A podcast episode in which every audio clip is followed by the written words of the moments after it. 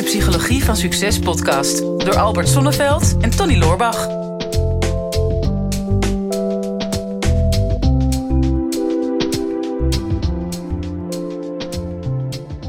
Hoe is het met de stress, eh, Albert? Ja, op en neer. Ja, en eh, ja, ja, ja, ja. Nou ja, er is een verschil tussen, tussen chronische stress en, eh, en eh, gewoon acute stress. Eh, en zelfs dat wisselt af. Als wij gaan filmen, dan heb jij acute stress. Ja, er is altijd wel een, een bepaalde geladenheid, zo noem ik dat altijd. Mhm. Wat niet per se slecht hoeft te zijn. En de ene keer eh, ligt er een beetje aan wat ik nog meer eh, de rest van de week gedaan heb. Waardoor dat de basisspanning wat is opgeschroefd of juist wat naar beneden is gedaan, Maar gegaan. je bent je wel heel bewust van hoe gestrest je bent. Jij bent, Ja, best- jij bent natuurlijk een stress-expert, maar je bent ook de grootste ervaringsdeskundige volgens mij. Ja, zeker weten. Stress-expert en ook best wel een stresskip tegelijkertijd. Ja, ja, ja, ja, het een kan niet zonder het ander. Ik noem dat altijd ervaringsdeskundig. Oh ja, ik noem Eh, dat dan stresskip. Maar dat is korter. maar dat is minder goed Scrabble-woord inderdaad. Ja, maar laten we daar nou eens een ei over leggen, Tony. Ja, precies. Nou ja, ik vraag het, want we hebben een vraag binnengekregen van, eh, van Michelle. En Michelle die eh, zegt... ehm, ik merk dat ik de laatste tijd meer onder stress sta, dat ik drukker ben. Eh, maar hoe weet ik nou of ik gewoon alleen gestrest ben... of dat ik richten, richting ontspannenheid, eh, of, oh sorry, overspannenheid of burn-out ga? Ja, Dus samenvattend denk ik meer van... ehm, ja, hoe herken je nou wat je hebt? Ben je gewoon druk? Of ben je echt gestrest? Of ben je echt wel overspannen? Of nog erger, ben je burn-out? Of misschien nog erger, eh leid je aan een depressie? Want het Ja. zijn eigenlijk allemaal vormen, stadia van stress. Maar Ja. gaat steeds verder natuurlijk. ja. Ja, en het lastige is in de media, maar ook gewoon in, in het algemene taalgebruik, worden die begrippen steeds meer door elkaar heen gehaald ook. En, en er wordt al heel snel gezegd, ik heb een burn-out. Of eh, mijn collega of mijn partner heeft een burn-out. En ehm, ja, terwijl er eigenlijk nog niet, nog niet eens echt een wetenschappelijk gevalideerde grondig onderzoek is wat dat kan aantonen. Ja. We hebben de, de, de Maslow, eh, Maslow Burnout Inventory, de MBI. Dat is een vragenlijst, maar ja, die vul je subjectief in. Hè, die, op basis van je eigen ervaringen. Dat geeft wel een bepaalde richting. Nou, er zijn wel wat cortisolmetingen. Ehm, nou, ook, ook mooi. Ehm, er is nu mogelijkheid voor een soort haaranalyse om te kijken op een langere periode. Ah, Ja, ja. sorry, sorry, Ja, te laat. rughaar kan ook, toch? Ja, een rughaar kan Of ook. wenkbrauwen. Ja, eh, om, om, om daar de cortisol in terug te halen, maar dat is allemaal nog vrij primair. Dus andere woorden, eh, de diagnose is moeilijk te stellen. Hm. Dus hoe kun je hem dan zelf stellen? Ja, er zijn natuurlijk wel een aantal kenmerken, daar gaan we het sowieso over hebben. Maar laten we eerst eens hebben over het eerste begin, stress. Nou, Hm. Wat is nou stress? Stress is de lichamelijke en, en psychische spanning die ontstaat als het verschil tussen moeten en kunnen langdurig te groot is. Ja, die, kan, eh, die kan op een tegeltje. Ja, dat is, Ja, doen we een nog eens een keer. ja, eh, de stress is de lichamelijke en psychische spanning die ontstaat als het verschil tussen moeten en kunnen langdurig te groot is. Mm. Ehm, dus, dus dat is een mooie definitie die eigenlijk al meteen duidelijk maakt dat er spanning is en dat er een spanningsveld is tussen moeten en kunnen. Moeten impliceert dus dat je het gevoel hebt dat je geen keuzemogelijkheid hebt. Mhm. En het mechanisme van stress is er ook echt voor bedoeld om je iedere keer in iedere situatie in je leven opnieuw te kunnen verhouden ten opzichte van die situatie. Dus wordt het in één keer in temperatuur een stuk kouder of warmer hier, dan moet je lichaam zich daar weer op aanpassen, want die wil natuurlijk steeds 37 graden lichaamstemperatuur houden. En is er nu in één keer een heel, veel, heel sterk geluid in de omgeving, ja, dan ga je er of voor afschermen of je gaat het geluid uitschakelen. Mhm. Ook omdat dat te veel spanning geeft in je lijf op den duur. Of er, er treedt een bepaalde gewenning op. Mensen die onder de, onder de startbaan eh, wonen van Schiphol, ja, die zijn misschien gewend eh, aan dat overvliegend verkeer. Maar we weten wel dat die mensen, als je bloed gaat afnemen, bij die mensen die onder de, de startbaan wonen, en je vergelijkt ze met mensen die in Drenthe wonen op het platteland, die eh, bij Schiphol wonen, die hebben 30% meer stresshormonen in hun lichaam dan mensen die op Drenthe op het platteland wonen. Dus Ja, ze zijn langzaam aangepast en die hebben dat gewoon niet gemerkt. nee, die hebben dat niet gemerkt. Dus, en daar zit dan een ander moeilijk ding dus van ja, er is een soort geleidelijkheid die erin sluipt. En wij denken, oh, wat stress, iedereen heeft last van stress en dat valt allemaal wel mee. Dus door die gewenning kun je de signalen die je hebt ook veel moeilijker eh, herkennen bij jezelf. Mhm. Dus als we de indeling maken, dan ga er maar vanuit, als je hier in Nederland of België woont, of waar je dan ook maar luistert. ehm, we leven in een maatschappij met te veel prikkels. Hè. Eh, NIA TNO zegt dat de afgelopen twintig jaar de beleving van stress ieder jaar met een werkdruk ieder jaar met anderhalf op anderhalf op anderhalf procent is toegenomen. Door die geleidelijkheid herkennen we het niet zo. Mhm. Ik geef vaak als voorbeeld, kijk eens naar een James Bond film van 20 jaar geleden. Nou, als je daar nu naar kijkt, ja, dan is die bijna slaapverwekkend. Hè. Dan zie je hem in een sportautootje met eh, van die ventilatoren en zijn haar waait een beetje naar achteren. Mhm. En ondertussen zie je dat, dat, dat eh, die omgeving voorbij schieten. En dat was dan spannend. Ik kwam toen hyperventilerend uit de bioscoop 20 jaar geleden. Ja, ja. Maar als je naar de meest recente kijkt, vanaf seconde 1 spat dat van het scherm af. Maar we, we zijn eraan gewend, Mhm. die overprikkeling. Nou, als dat te lang duurt en, eh, en je negeert de signalen, dan kun je op een gegeven moment van, van stress richting overspanning gaan. Mhm. Het grote verschil tussen overspanning en burn-out is dat bij overspanning ben je wel moe, maar je bent nog niet compleet uitgeput. Eh, je, je functioneert nog wel, je, je hormonale systeem kan nog wel wat klappen opvangen. Ehm, betekent wel dat je vaak al wel overprikkeld bent. Een van de eerste signalen trouw- trouwens waar je aan gaat merken dat je te veel stress hebt, is irritatie. Mhm. Ehm, ik zeg wel eens, als je in het verkeer, het, het, het forense verkeer, eh, mensen in de avondspits zijn al sneller geïrriteerd dan de mensen in de ochtendspits. Dus als je s'avonds terugrijdt naar huis en je hebt je middelvinger meer boven het stuur dan aan het stuur, Ja, dat is geen goed teken. dat, is- dat is geen goed teken. En een ander ding waaraan je merkt dat je te veel stress hebt, is, is dat je bijvoorbeeld vergeetachtig bent. Dat je denkt, eh, waar heb ik mijn sleutels nou ook alweer gelaten? En Mhm. heb ik het gas wel dichtgedraaid? En eh, heb ik de achterdeur wel op slot zitten? Nou, allemaal dat soort vragen. Ehm, nou, dan weet je al, oké, mijn hoofd zit letterlijk en figuurlijk vol. Mhm. Ehm, slecht kunnen concentreren, sneller geïrriteerd, vergeetachtigheid zijn de eerste signalen waarvan je weet: oké, stress is oké, dat heb ik nodig om een prestatie te kunnen leveren, maar als het te lang duurt, chronisch wordt en ik begin dit soort eerste verschijnselen te krijgen, nou dan weet je al ehm, dat je iets moet gaan veranderen in je omgeving. Hè, Want wat ik al zei, stress wordt pas stress als het verschil tussen moeten en kunnen langdurig te groot wordt. Ja. En het zit er met name in dat langdurige. Nou, ik, ik herken dat bij mezelf wel. Ehm, ik, heb, ik heb in 2015 een burn-out gehad. Ik herken ook wel wat jij zegt. Van, nou, er wordt maar gesmeten met het woord burn-out. Eh, het lijkt bijna zeg maar, populair. Hè? Dat, je dat je, het is een beetje een hype geworden om een burn-out eh, te hebben. Ik merk ook dat ik het vervelend vind als iemand van zichzelf zegt... oh, ik denk dat ik een burn-out heb. Terwijl ik denk van nou, volgens mij moet er dan wel heel wat meer aan de hand zijn. Ja. En dan is het wel goed om te constateren van waar zit je dan precies. En ik herken dat wel, dat ehm, ik heb jarenlang mijn business gewoon gerund als ondernemer. Gewoon in mijn eentje aan de keukentafel begonnen. En eh, was ik lekker vrij, hè? vrij en blij. En mijn business uitgebouwd van 2010 tot, tot 2015. En steeds groter. Hè? Dus meer, eh, meer klanten, meer producten, eh, team aangenomen, kantoor gehuurd. En eigenlijk altijd alles, alles in de groei, positief. Wel met tegenslagen, wel met hard werken. En daar staat eigenlijk nooit per se een chronische stress op. In de zin van, ik kon 80 tot 100 uur per week werken. En het lag echt niet aan de werkdruk. Dat was, Nee. het, dat was het probleem niet.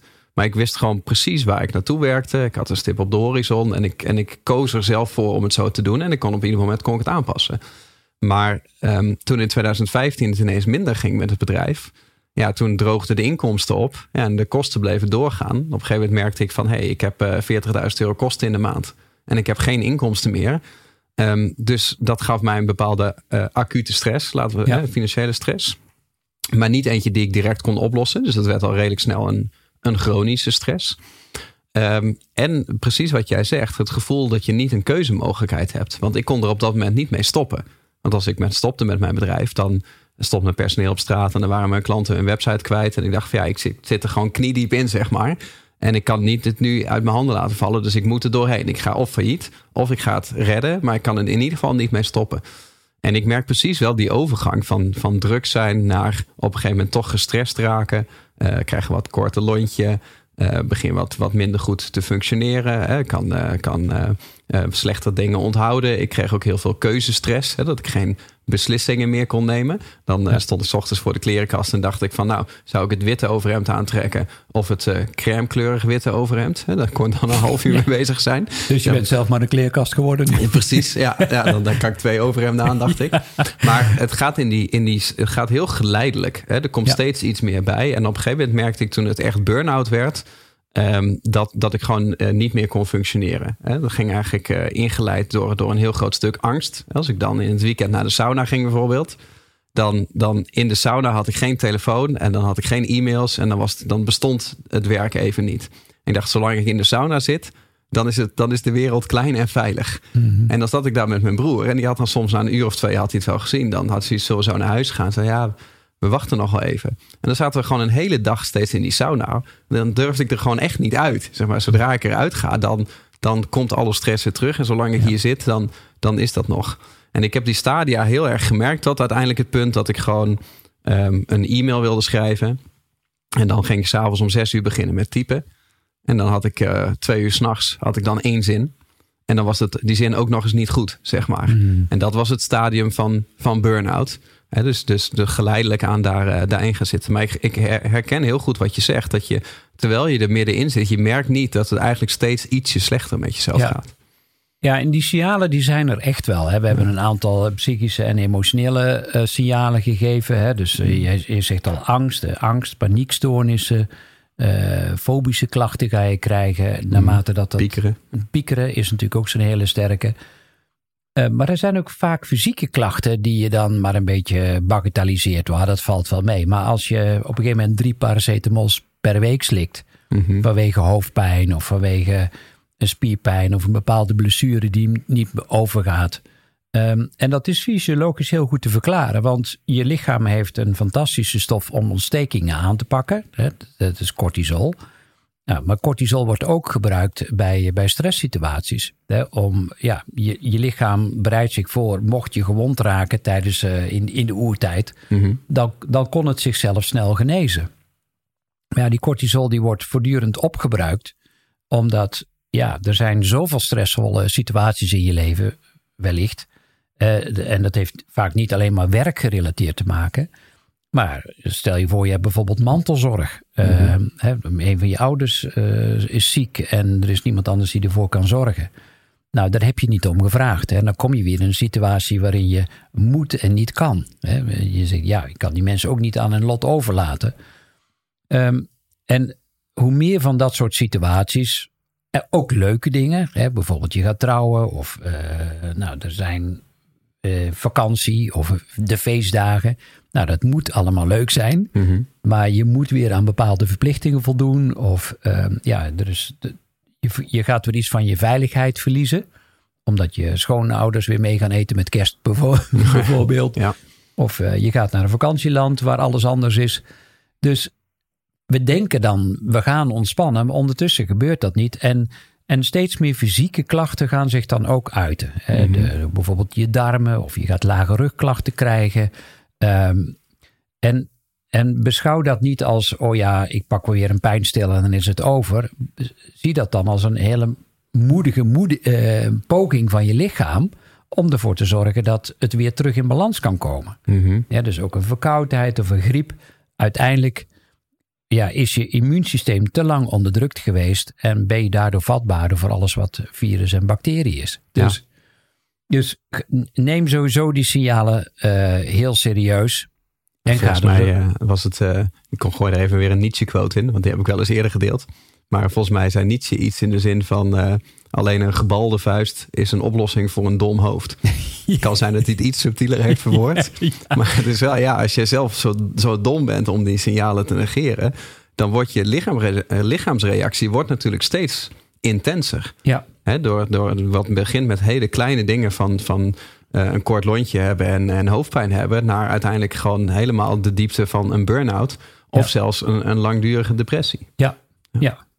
Ja. dus, dus um, Ja, je, ja, dan kun je zeggen, ja, dat is allemaal leuk en aardig, Tony, maar je kent mijn situatie niet en ik, ik kan er echt niet uit, hè, want ik zit in een reorganisatie of ik heb die mantelzorg of ik heb een jong gezinsleven, hè, want dat is ook topsport als je als een kindje is geboren en uh, dus, stel je, zelfs al heb je een puppy, daar heb je er ook een kind bij. Dat lijkt allemaal leuk en past misschien allemaal in de fase van je leven waarin je nu zit.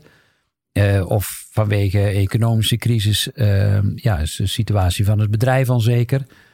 Dus daar kun je niets aan veranderen. Maar jouw houding ten opzichte van die situatie, daar heb je wel invloed op. Mm dus je, ja, je kunt dat meer relativeren. Uiteindelijk zou je kunnen denken, ja, wat is nou het aller, aller, aller, aller, aller, allerergste wat er zou kunnen gebeuren? En als je zo helemaal terug gaat redeneren, dan ja, leven we volgens mij nog wel in de maatschappij waarin er voldoende voor je wordt gezorgd, uh, is er vaak een sociaal vangnet.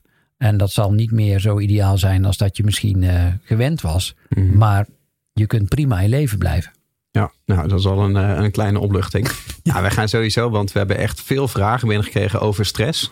Uh, sowieso lopen de vragen best wel, uh, best wel hard binnen. We kunnen ze nu een beetje gaan groeperen. En we ja. zagen zoveel vragen over stress dat we dachten we pakken even daar een, uh, een, een viertal uit. En dan maken we een mini-cursus over. Oftewel eentje die aansluit bij de mini-cursus die jij al hebt gemaakt. Die hebben we hier ook liggen. als je nou zit te luisteren naar de podcast, dan kan je het niet zien. Maar als je zit te kijken, we hebben prachtige prachtige boekjes wat jij hebt gemaakt. Ja, hè? We dachten van, schrijf jij even iets over hoe je met stress kan omgaan of hoe je kan leven zonder stress. Nou, jij schrijft dan niet één e-book, je schrijft er meteen vier. dus dat is lekker. Die kan je gratis downloaden ja. op, uh, op de site psychologievansucces.nl. Dus we gaan de komende uh, drie afleveringen hierna gaan we ook even in op, uh, op andere uh, aspecten. Hè? Dus hoe je, er, hoe je ervan afkomt en, en, en alles, wat, alles wat daarbij hoort. Ja. Maar ik denk, kijk, waar we nu naar hebben gekeken van wat is het, wat is het verschil? Hè? Dus herkennen wat je hebt van is het, is het druk, is het stress, is het overspannenheid, burn-out, uh, depressie. Heb jij daar iets voor um, van hè, in welk stadium uh, moet je nu welke actie gaan ondernemen? Hè? Of, of ja. hoe herken je dat nou precies waar je zit? Ja, nou ja, als je sowieso als je stress hebt, nogmaals, stress is absoluut niet verkeerd. Wat je, wat je nodig hebt als je stress hebt, in ieder geval het gevoel dat er weer dat het eindig is. Mm -hmm. Wat jij zei, ik vond het helemaal niet erg om bij wijze van spreken 100 uur per week te werken. Als ik maar weet dat, er, dat het een project is wat op een gegeven moment weer stopt en dat ik daarna weer kan gaan herstellen dat moet je echt wel voor jezelf gaan inplannen. Mm -hmm. als, als je dat gevoel niet hebt, ja, dan zul je dus in je omgeving al iets moeten gaan organiseren. Um, waardoor dat je hulp krijgt. Of nou, daar komen we in de andere afleveringen nog wel op terug. Mm -hmm. Maar, maar dat, is het, dat is het eerste. Het, het, het moet eindig zijn. Ga je richting overspannenheid, ja, dan, dan moet je keuzes maken. Dat mm -hmm. geldt voor burn-out nog meer. Maar blijkbaar heb je jezelf in een, in een wereld georganiseerd. Heb je ervoor gezorgd dat er ja, bepaalde dingen in je leven mm, ja, ja, misschien zo gecreëerd zijn. Een hypotheek uh, die, die net iets te hoog is. Mm-hmm. Of uh, ja, woon-werkverkeer. Of nou ja, ga zo maar door. Allerlei situaties waar je in eerste instantie dacht van ja, ik overschat mezelf en ik onderschat uh, de gevolgen van die keuze. Dan moet je daar wel rigoureus in kan kappen. Dat, mm -hmm. Daar ontkom je niet aan. Ja. Waar het vaak over gaat zijn wat ik altijd noem unfinished business. Mm. Dingen die, die al heel lang sluimeren. Dat kan zijn dat je nog een bepaald gesprek met iemand moet hebben in de familie of in de vriendenkring. Of met een collega die het bloed onder je nagels vandaan haalt. Mm -hmm. En je blijft dat gesprek maar voor je uitstellen. Um, nou ja, richting overspannenheid dan kun je allerlei smoezen bedenken. Ja, ik ben nu te moe en het komt nu niet uit en ik heb nu geen zin en ik wacht wel even. Maar ja. juist nu wel doen. Ja, achter iedere dysfunctionele relatie schuilt een zweterig 10 minuten gesprek. ja, ja, precies. Dus, dus um, ja, uh, leuker kunnen we het niet maken, wel mm -hmm. makkelijker. Geldt hier vooral voor, -hmm. is, is ga die confrontatie aan. Ga die confrontatie aan met jezelf. Uh, get real zou ik haast zeggen. En, en kijk het aan en ga het ook aan. Ja. Um, nou, dat geldt helemaal als, als je dat nog te ver hebt uitgesteld en je komt in een burn-out terecht. Dan kun je ook niet anders meer. Mm -hmm. En realiseer je dat dat vaak minimaal drie maanden tot misschien wel een jaar duurt voordat je daar weer van bijgekomen bent. Mm -hmm. um, en dat, in feite kun je dat nooit per- permitteren, maar dan zit je er wel in. Ja. En ehm, ja, dat los je niet op door symptoombestrijding. Hè, door op de bank te gaan zitten thuis en dan denken van oké, nou dit waait wel weer over als ik maar weer even rust neem. Ehm, ja, ik heb mensen echt als een wrak het thuis zien zitten, alleen maar huilend, Mhm. niet meer uit hun bed kunnen komen. Weet je, dat is echt dramatisch. Dat wil je niet meemaken. En je kunt wel denken, ja, dat overkomt me niet. Nou, daar zou ik echt niet te licht over denken. Dus maak die keuze. Zorg dat je dan structureel herstelmomenten voor jezelf inbouwt. Doe veel fysieke oefeningen ook. Ga, maak weer contact met de natuur. Diep van binnen weet je echt wel wat, wat nodig is voor jezelf om weer te kunnen herstellen. Ja. Nou ja, jij hebt, jij hebt wel eens tegen mij gezegd: hè, het duurt net zo lang om stress af te bouwen als dat het duurt om stress op te bouwen. Ja. Dus als jij een, eh, een, eh, een dag stress hebt gehad en je hebt daarna een, eh, een rustdag, dan is dat mooi met elkaar in balans. En maar meestal denken we dat we een hele lange tijd eh, stress gewoon op kunnen lossen met een keer een, een, een weekend lekker uitslapen. Eh, of even een keer een weekendje weg. Nee. En, dat, en dat is dus niet met elkaar in balans. Hè. Ik heb het in mijn periode altijd een beetje gevoeld van ja, je hebt, je hebt een grote batterij en je hebt een kleine batterij. En die kleine batterij, die, ja, die is 's ochtends als je wakker wordt, is die vol, zeg maar. En die loopt gedurende de dag loopt die leeg. En als jij gewoon een goede nacht slaap hebt, dan is die weer vol. En dan de volgende dag, dat is prima. Maar je hebt ook een soort van grote batterij. En als jij eh, eh, iets doet, langere tijd dingen doet die meer energie kosten dan dat, ze aan, dan dat je aan energie terug kan wennen, Ja. eh, winnen. Of iets wat meer stress geeft dan dat je weer kan afbouwen in ontspanning. Dan gaat die grote batterij die gaat steeds ook langzamer leegtrekken. Tot die op een gegeven moment op een punt komt van overspannenheid of burn-out. En dan is die grote batterij die gaat niet weer vol met een nacht goed slapen. Of met een weekendje weg. Of met, met bijvoorbeeld een ademhalingsoefening. Nee. Hè? Dus, dus ehm, daar zit eigenlijk het bewustzijn van. Als je nu weet van nou, ik ben gestrest. ehm, hoe lang is dat al zo? En hoe lang hou je jezelf al voor de gek met het idee van ja, maar als dan, hè, als dit straks af is, dan heb ik geen stress meer. Als ik eh, eh, dit resultaat heb behaald, als ik deze relatie heb, als ik, als ik dit klaar heb, dan ga ik ontspannen en dan zullen al mijn problemen voorbij zijn. Ja, hoe lang heb je dat al? Ja. Hè, En dan gaat dit om dagen, gaat het om weken, maanden of jaren. Hoeveel te langer het duurt, des te verder je er waarschijnlijk in zit. Ehm, en des te meer tijd je ook veel- zult moeten nemen voor jezelf om daar, om daar weer uit te komen. Lijkt me een goede om je af te sluiten, Tony. Ja, sowieso goed. Dus, ehm, of sowieso goed. Jij bent meest aan het woord, dus dat mag ik zeggen. Want anders zou het een beetje opschepperig zijn van mij. Maar ik vond, het, eh, ik vond het heel fijn. We gaan sowieso even lekker verder de komende afleveringen... om iets meer de diepte in te gaan hoe je hiermee eh, om kan gaan. Als soort van vier eh, weekse special in de Psychologie van Succes podcast. Klinkt ook wel lekker. Ja, heerlijk. Nou ja, als je zit te luisteren en je hebt zoiets van... nou, ik vind het leuk om niet alleen te luisteren... maar ik wil ook graag die gratis e-books hebben. Hè, dus de mini-cursus Leven zonder stress die, eh, die Albert heeft geschreven. Dan ehm, ga even naar de website eh psychologievansucces.nl. Ik zal in de omschrijving van deze YouTube-video... zal ik ook even het linkje neerzetten... waar je die mini-cursus kan, eh, kan aanvragen. Kan je dit mooie glanzende boekje wat ik hier vasthoud... kan je daar downloaden. En Is het dus ook, gratis? eh, Is het gratis, Tony? Is het gratis? dit is gratis, ja. Ja, ja, ja, ja, wel, dat wist je wel, anders vroeg je het niet. Ja, hij zegt, het ziet eruit om door een ringetje te halen, zo'n ringbandje. Ja, fantastisch. Ja, dus die kan je gratis krijgen. Ehm, voor nu houden we even bij deze en gaan we volgende week verder met, eh, met het volgende deel. Als je hebt zitten kijken naar de YouTube-video, zouden we het leuk vinden als je even een reactie wil achterlaten ehm, over ehm, ja, gewoon wat jij hiervan vindt. Hè? Hoe ga jij met stress om? Eh, heb je ervaringen die je zou willen delen? Heb je inzichten uit deze podcast gehaald? Of heb je inzichten die je eraan zou willen toevoegen? Dan zouden we het leuk vinden als je dat in de reacties even wilt delen. Ehm, vergeet ook zeker niet even op de duimpjes te klikken en even te abonneren op ons YouTube-kanaal. Dit is de Psychologie van Succes podcast door Albert Sonneveld en Tony Loorbach.